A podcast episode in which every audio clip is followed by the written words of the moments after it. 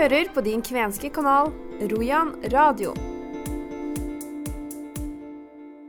Huvabeiva, mi Olen Frank Halvorsen. Hei, alle sammen. Jeg heter Frank Halvorsen og er klar for ukas sending her på Rojan radio. For øvrig den siste før jul. I dag skal vi høre at kvensk bakekunst er kommet mellom to permer. Vi skal møte ei som ikke bare liker å bake, hun liker faktisk å skrive bøker om kvensk kakebaking. Dere skal også få høre at det er stifta en ny kvenforening i Ytre Oslofjord, og dere skal få møte kvenforeningas første leder. Og vi skal snakke om en ny kvensk pris som skal deles ut i 2022. Og selvfølgelig skal jeg få et nytt kapittel i Egils språkhjørne, denne litt som mer sånn julespesial. Først skal det handle om baking. Langfjordingen Åshild Karlstrøm Rundhaug har i minst ti år gått med drømmen om å skrive en bok om bakekunst. For Åshild, som er kvensk, har alltid vært glad i å bake, og da hun satte bokdrømmen ut i livet, har hun møtt mange godt voksne damer og fått historier om kvensk bakekunst. Når jeg snakka med de damene, så var ikke mitt utgangspunkt at, at det skulle være kvenske ting. Når jeg tenker etter hvert hvem jeg snakka med og hvor jeg var, så var det et område som var ekvensk og har vært det. Så tittelen ble da naturlig på boka at uh, bråketradisjoner i uh, Kvenland, historie og tradisjoner fra Ramfjorden i vest til Tana i øst. Når det gjelder ellers boka, så har hun i grunnen blitt til etter hvert. For at uh, jeg tenkte at når jeg snakka med dem, at hva likte de å gjøre? Og mange snakker om liksom, hva som var før, og hva de fikk til før i gamle dager. Og sånn som hun gamle dama fra Nordreisa oppe i Reisadalen, så sa det at um, de hadde ikke ovn hjemme sjøl. De måtte gå til de som hadde en bakerovn. De hadde, tok deigen med seg, og så fikk de bakt det der. Noen ganger så sa hun at det var noen som bakte, og, og så lukta vi på den gode lukta, og vi hadde så lyst til å smake. Men vi kunne ikke, det var i fattige tider, så de som bakte, de hadde ikke mer enn det de sjøl hadde. Før svartovn kom, kan vi si sånn svartovn med du fyrer på den ene sida, så har du stekeovn på den andre sida, så har du liksom askeskuff under der. Før den kom i alle hus, så var man avhengig av å gå til de som, som hadde en bakerovn. Og man tror liksom at bakerovn ikke har vært her i nord, men, men den har vært det. Den har vært det over tid. Og så kom jo svartovn, da, at man, man, bakte i den. Det som vi snakker om her i nord, at liksom, hva er det våre bakekunnskaper og baketradisjoner har vært? Vi har alltid bakt. De damene som jeg snakka med, de var ikke så opptatt av å snakke når de bakte brød eller rundstykker eller sånne ting, men det var de finere bakverkene de liksom var mest kry av. Og noen snakka jo om at uh, Maren ville at de skulle bake lefser til jul. Jeg vil jo da si det at hvis du ikke har bakt lefser før, og skal gjøre det første gangen, du får ei oppskrift foran deg, så skal du liksom følge den, og så står det blant annet hvetemel til passe deg, vær så god, prøv, så skal du se hvordan det går. Og det er ikke så lett. Så sa hun det hun dama at ja, jeg måtte jo gå i gang, for mannen ville jo gjerne Det var snakk om mørlefse eller tjukklefse, vi har flere navn på, på de samme tingene. Så sa hun at um, jeg bakte dem jo og eh, hun hadde ikke vært med på det her før, for vi snakker litt om sånn som for fint kalles forhandlingsbåren kunnskap. Du må være med for at deigen blir lagd til den er ferdig, og kjenne på tjukkelsen og hele veien underveis for å se hvordan deigen er, og hvordan den blir når du kjevler den. Det hadde hun ikke vært med på, så det kunne hun ikke. Så hun bakte nå alle de lefsene, og etter hvert som hun bakte dem og fikk dem til og stekte dem, det var alt fint, og så la hun dem oppå hverandre før de var blitt kalde. Og da vet du jo da hva som skjer. Hun sa hun gjorde det og la dem bort, for hun tenkte at hun kunne jo, kunne jo bare smøre dem, lage en sånn smørkrem av smør og sukker og kanel en annen dag. Så gjorde hun det, vet du, men når hun da tok dem fram, så var jo alle bordene fast i hverandre. Så Maren han, han kom fra Veskogen, han likte nå ikke noe av det, særlig det her, ikke sant. Første gangen hun bakte, så sa hun at jeg fikk det ikke til. Jeg tok deigen og gikk ut i og heiv den til hønsen. Og enda når jeg gikk i fjøsen på kvelden, så så jeg at hønsen reiv og sleit i deigen. Det er greit å snakke om det i dag, sa hun, men det var det ikke da. Det gikk mange år før jeg kunne snakke om det, for jeg følte at jeg ikke kunne. Alle andre kunne, men ikke jeg. Og jeg synes unge i dag er kjempeflinke, for at De tar bestemor sine oppskrifter eller mamma sine oppskrifter, og så er de med dem. Og så har de den der fine kulturbæreren, kan du si, fra, fra besteforeldrene og bestemor. Vi skal ikke kimse av det der med, med kunnskap. Jeg vet at jeg snakker med mange damer som sier at det dere kan, det er kunnskap. Med at folk kan lese om det Ja, her. alt det her står i boka. Ikke sant, og Da stikker man for mye av det, men eh, når du har jo sjøl stått frem som kven tidligere. Er det forskjell, tenker du, når du har skrevet denne boka, på den kvenske bakekunsten og den norske, skråstrek finske? Ja, du spør veldig fint, men når jeg tenker opp gjennom tida, og så den, den kunnskapen som kvenene brakte med seg da de kom til Norge, de, de brakte med seg dyrkinga av jorda, for den var ikke her før de kom. Høstinga av både bygg og rug, eh, den kunnskapen hadde de med seg når de kom. Og blant annet hadde de også bakerovner som de bygde opp der de bodde, tok dem ned og flytta med seg når, når de ville flytte. da. Så kan man jo spørre seg, var det de som brakte den ekstra interessen for baking? Det svaret har jeg ikke. Men når jeg snakka med alle de damene som jeg snakka med, så var det en jeg vil nesten kalle det for en eksepsjonell interesse for baking. Om det kan relateres spesielt bare til kvener, det er jeg ikke sikker på, men alle de jeg snakka med, hadde den samme interessen, og det var ikke noe som jeg førte i ordet. Det var deres fortellinger. Og når du hørte på, på søstera til han Terje Aronsen, hun heter Haldis av døde da, at hun sa før i tida var jo steike tullete når vi skulle bake, for vi bakte jo 14 sorter til jul. Og hun var ikke alene om det. Så kan du si, er det noe spesielt kvensk? Det kan jeg ikke svare på, men boka forteller egentlig det. For at alle de jeg snakka med, sa at det her var noe veldig, veldig fint. da. Men det er viktig å presisere at når jeg snakka med dem, så brukte jeg ikke ordet kvensk. Ordet kvensk og kvenland har kommet til på bakgrunn av hvor de her bodde, og kjennskap til deres historie og, og kultur og familie. Det sa bakebokforfatter Åshild Karlstrøm Rundhaug, som håper at boka skal komme ut i salg før jul. Er du interessert, er det bare å være våken og følge med på bokutgivelsen. En ny kvenforening på Østlandet har sett dagens lys. Navnet Norske Kvener Ytre Oslofjord må ikke forveksles med den allerede etablerte Oslo Kvenforening. I distriktene utenfor Oslo er det lokallagsleder Unni Elisabeth Eriksen som er valgt til ny og den første lederen. Det vi har gjort når vi har valgt det navnet, det er rett og slett å, og vise at vi er et tillegg til, og et alternativ også for den saks skyld, men først og fremst et tillegg til det som er i selve hovedstaden. da. Men jeg hører jo på deg nå, Unni, at du prater faktisk kav østlending.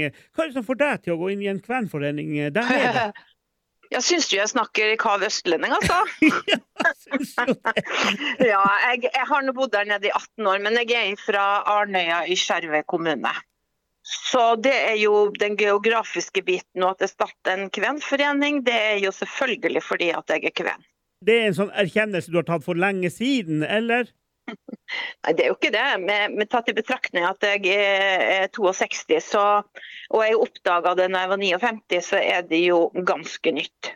Er det det som er årsaken? Er det du som er jern bak eh, Norske Kveners eh, i Ytre Oslofjord? Jeg vil kanskje vel si at jeg har vært det punktet som man har bygd opp rundt, men om jeg er jern i det, det, det, det er jo overhodet ikke riktig å si. For vi har et, eh, et godt oppbygd styre fra nettopp det vi kaller Ytre Oslofjord. Det er egentlig en geografisk eh, plassering hvor vi folk, kan ha folk som kommer fra Østfold, eh, Vestfold, Telemark, Buskerud. Og det har vi. Nei, gjerne er jeg absolutt ikke. Vi er mange hjerner og mange hjerter i den foreninga her. Så, men akkurat eh, det at eh, jeg sitter sentralt i det, er at jeg har vært med å dra det i gang. Ja, det er helt riktig. Mm. Fortell litt om eh, hva dere gjør, og, hva målsettinga med det dere holder på med, er for noe. Vi er jo ikke alene, vi er jo en del av Norske Kveners Forbund. Så vi er jo en eh, lokalforening av den store. Så vi jobber jo i henhold til de prinsippene som, som er i vår hovedorganisasjon, selvfølgelig. Men så har jo vi mål for vårt område. Og vi jobber jo i nedslagsfeltet, men det er klart at de som kommer til oss, de har jo kvenske bakgrunn og dermed tilhørighet til de tradisjonelle kvenske områdene. Da. Men det vi, vi vil det jo da, ved siden av å jobbe generelt eh, når det gjelder rettigheter og kvensk kultur, så har vi jo satt opp noen eh, konkrete mål. da. Og vi starta opp i september, så det er klart det er mm, Og vi har et årsmøte i februar, så man kan ikke sette seg opp for mange mål mellom september og februar. Vi har sagt tre ting. Vi skal ha månedlige møter, altså åpne møter. Vi skal feire kvenfolkets dag. Og vi skal ha flagg på minst én offentlig flaggstang under nedslagsfeltet på kommende kvendag. Det er det vi har satt oss som mål. Føler du at dere er kommet godt i gang nå, i og med at dere skal ha årsmøte allerede i februar? Ja, altså Det handler jo om at vi er et interimstyre. Vi, ikke, vi ble valgt av et, av et møte hvor vi, hvor vi ble stifta. Um, så vi er opptatt av å komme i gang i formelle former. Og vi har jo fått nå så har vi fått medlemmer nok til å få motta grasrotandelen, dvs. Si at vi er 25. Så vi er nok til å ha et årsmøte, mener vi, og få ting ordentlig på plass. og Det er grunnen til at vi sikter mot det. da. Vi syns at vi er ganske godt i gang, vi, fordi vi har hatt en del møter nå med godt besøk, besøkstall. Um, så vi syns absolutt at vi er, er, godt i gang både på den ene og den andre måten. vi. Da sier vi bare at hvis folk skal nedover i området hvor, eh, hvor dere er, hvor er dere holder til sånn helt konkret? Hvor dere har møter? Fysisk så har vi eh, vår møteplass i Horten, og vi kommer til å jobbe ut ifra det. Men vi har jo da eh, både folk som er i styret og medlemmer fra andre plasser, så vi kommer jo på sikt til å synliggjøre oss flere, på flere plasser enn det. Strålende, Unni Elisabeth Eriksen. Da sier vi bare til folk som eh, har lyst til å komme i kontakt med dere, en mail til Oslofjord krøllalfa kvener.no, så kommer de i kontakt med dere. Da er det bare å ta, si gi gass. Stå på. Bare gi, bare gi gass og følg oss på Facebook, så får dere vite hva vi holder på med. Strålende. Takk skal du ha. Nå skal det handle om en ny ærespris som skal deles ut.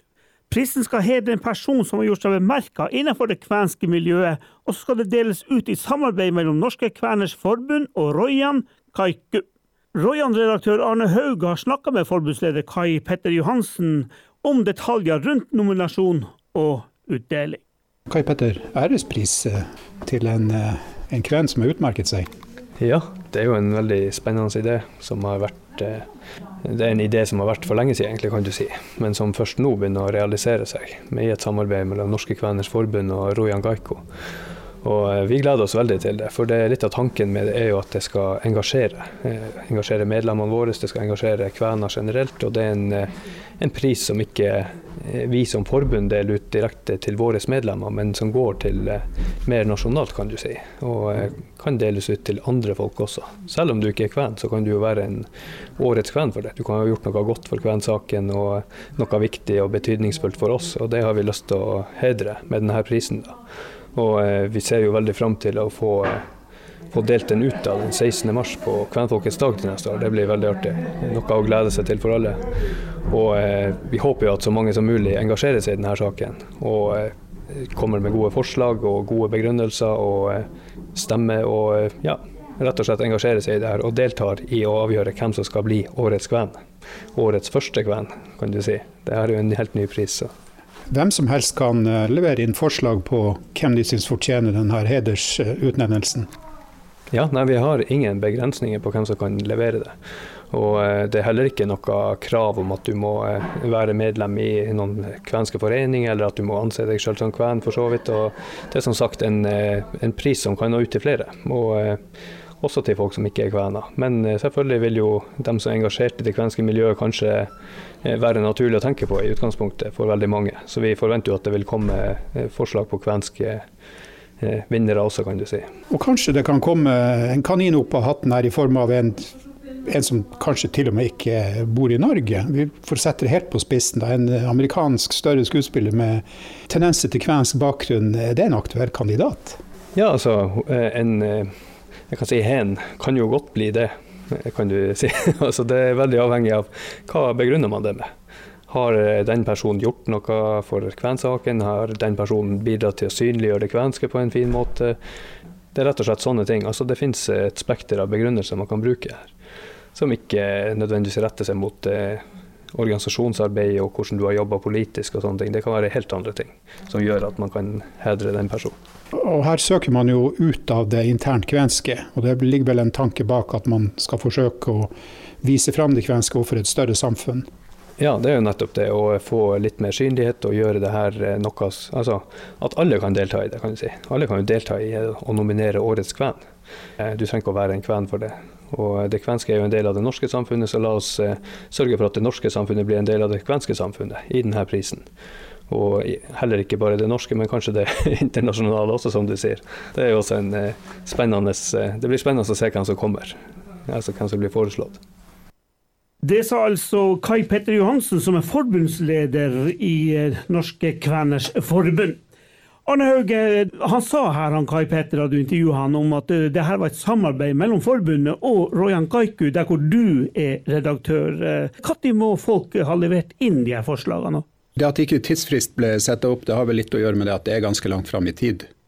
Så med tanke på at den skal være inn til 16.3 neste år, Kvenfolkets dag, i forbindelse med den dagen at prisen utdeles, så bør vi kanskje ha det i løpet av skal vi si Dere må jo ha en måned på dere, i hvert fall. Ja, når du sier det nå, så, ja. så er jeg faktisk enig. Ja, vi må ha en måned. Så da 15. februar, der i Høvan. Høres fornuftig ut. Litt midten av februar. Men eh, hvordan er det dere samarbeider med forbundet om det her, Rojan Kaiku? Og, og, er det greit å lage en sånn her pris, tenker du? Jeg regner med det siden dere, dere er gått i lag om det. Jeg tenker det er på høy tid uh, at man har den typen pris som ikke er knytta til forbundet. Man trenger ikke å være medlem i NKF for å kunne verken nominere eller få prisen. Ja, det er, på, det er nok på høy tid. Mm. Utmerker seg. og det, det, hører jo til saken her at det er ingen tvil, tvil om at man, har, man, gjør dette for at det kvenske skal bli mer kjent i storsamfunnet.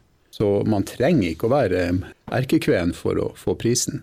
Man kan, man kan til og med Man trenger kanskje ikke engang å være norsk. Jeg tenker også på det her når man skal gi kvenene en hederspris. Mm. Det må jo ofte bli de her gamle som har si, vært ved kongens bord kanskje en gang i tida, som får sånt her. Men eh, det finnes vel masse kvener også som har ligget litt mer eh, lavt? Det kan man si, og det finnes mange nykvener, unge kvener, som òg fortjener utmerkelse for det de driver på med. De gamle som har vært i gamet lenge, de har jo ofte fått noen priser opp gjennom årene. Da, så, men, men åpenbart at de òg må komme med i betraktninga, selvfølgelig. Men det vil jo nominasjonene og etter hvert juryen avgjøre. Det er bare å sende inn forslag, folkens. 15.2 er herved fristen satt. Arne Hauge, da sier vi bare takk for dem, så håper dere får masse forslag. Takk skal du ha. Egils språkhjørne. Du, over til eh, den ukentlige spalta Språkhjørnet med Egil Sundelin. Han var min gamle lærer fra barneskolen tilbake i 1972, og i dag tar han for seg kvenske ord og uttrykk som handler om jula. Vil ikke det være naturlig? Egil, eh, hva du tenker om eh, ord og sånn som vanlige folk kunne hatt glede av å høre? For eksempel det her med jul det kunne være det er et godt utgangspunkt for å, for å lære noen ord. Hvis vi ser på noen sånne ord som vi brukte til van, vanlig Vi kan starte med, med juletre. Det heter jo yolobo. Yolobo. Ikke julebord, men juletre. Ja, juletre. Yolobo. Men så hadde vi jo ikke gran og furu. Vi hadde ikke gose og ikke mendu som vaks i skallen. Der lagde vi juletre av eh, einer og det er Gadaya. Så det ble het eh, Yolobo ondetu gadayasta. Altså juletre er laga av einer. Gadaya einer. Så hadde, kan du si at du hadde Det var ikke så mye gaver. Vi hadde julebrød. Det blir jo da yolo-leibe. Ja, ja, ja. Altså leibe det, Og yolo, når du en gang har lært det, altså yolo om det er jul. Og så kan du da knytte f.eks. leibe til det, og du kan ta yolobukki julenisse. Du kan knytte yolobo, yolobo som juletre, og så julegave. Yolo-lahia, det er julegave. Yolo, yolo. Lahaya. Lahaya. Lahaya. Men her sier jo mange yolo-gavi. Det var jo ikke så vanlig med gaver. Da, da stjeler du da det norske. Da stjeler du det norske ja. ordet. Og da føyer du en i til.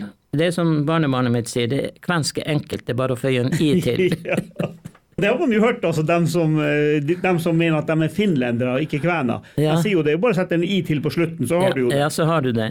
Vi har jo eksempel i matveien til jula, så har vi eh, lutfisk. Og det leita jeg jo lenge etter. Men de brukte eh, altså lutefisk. Det er noe som er litt sånn surt og, og sånn liebie. Det, å være litt, litt sånn sur, og, og det, det, brukte de. Og, og, så har du da habanokkala.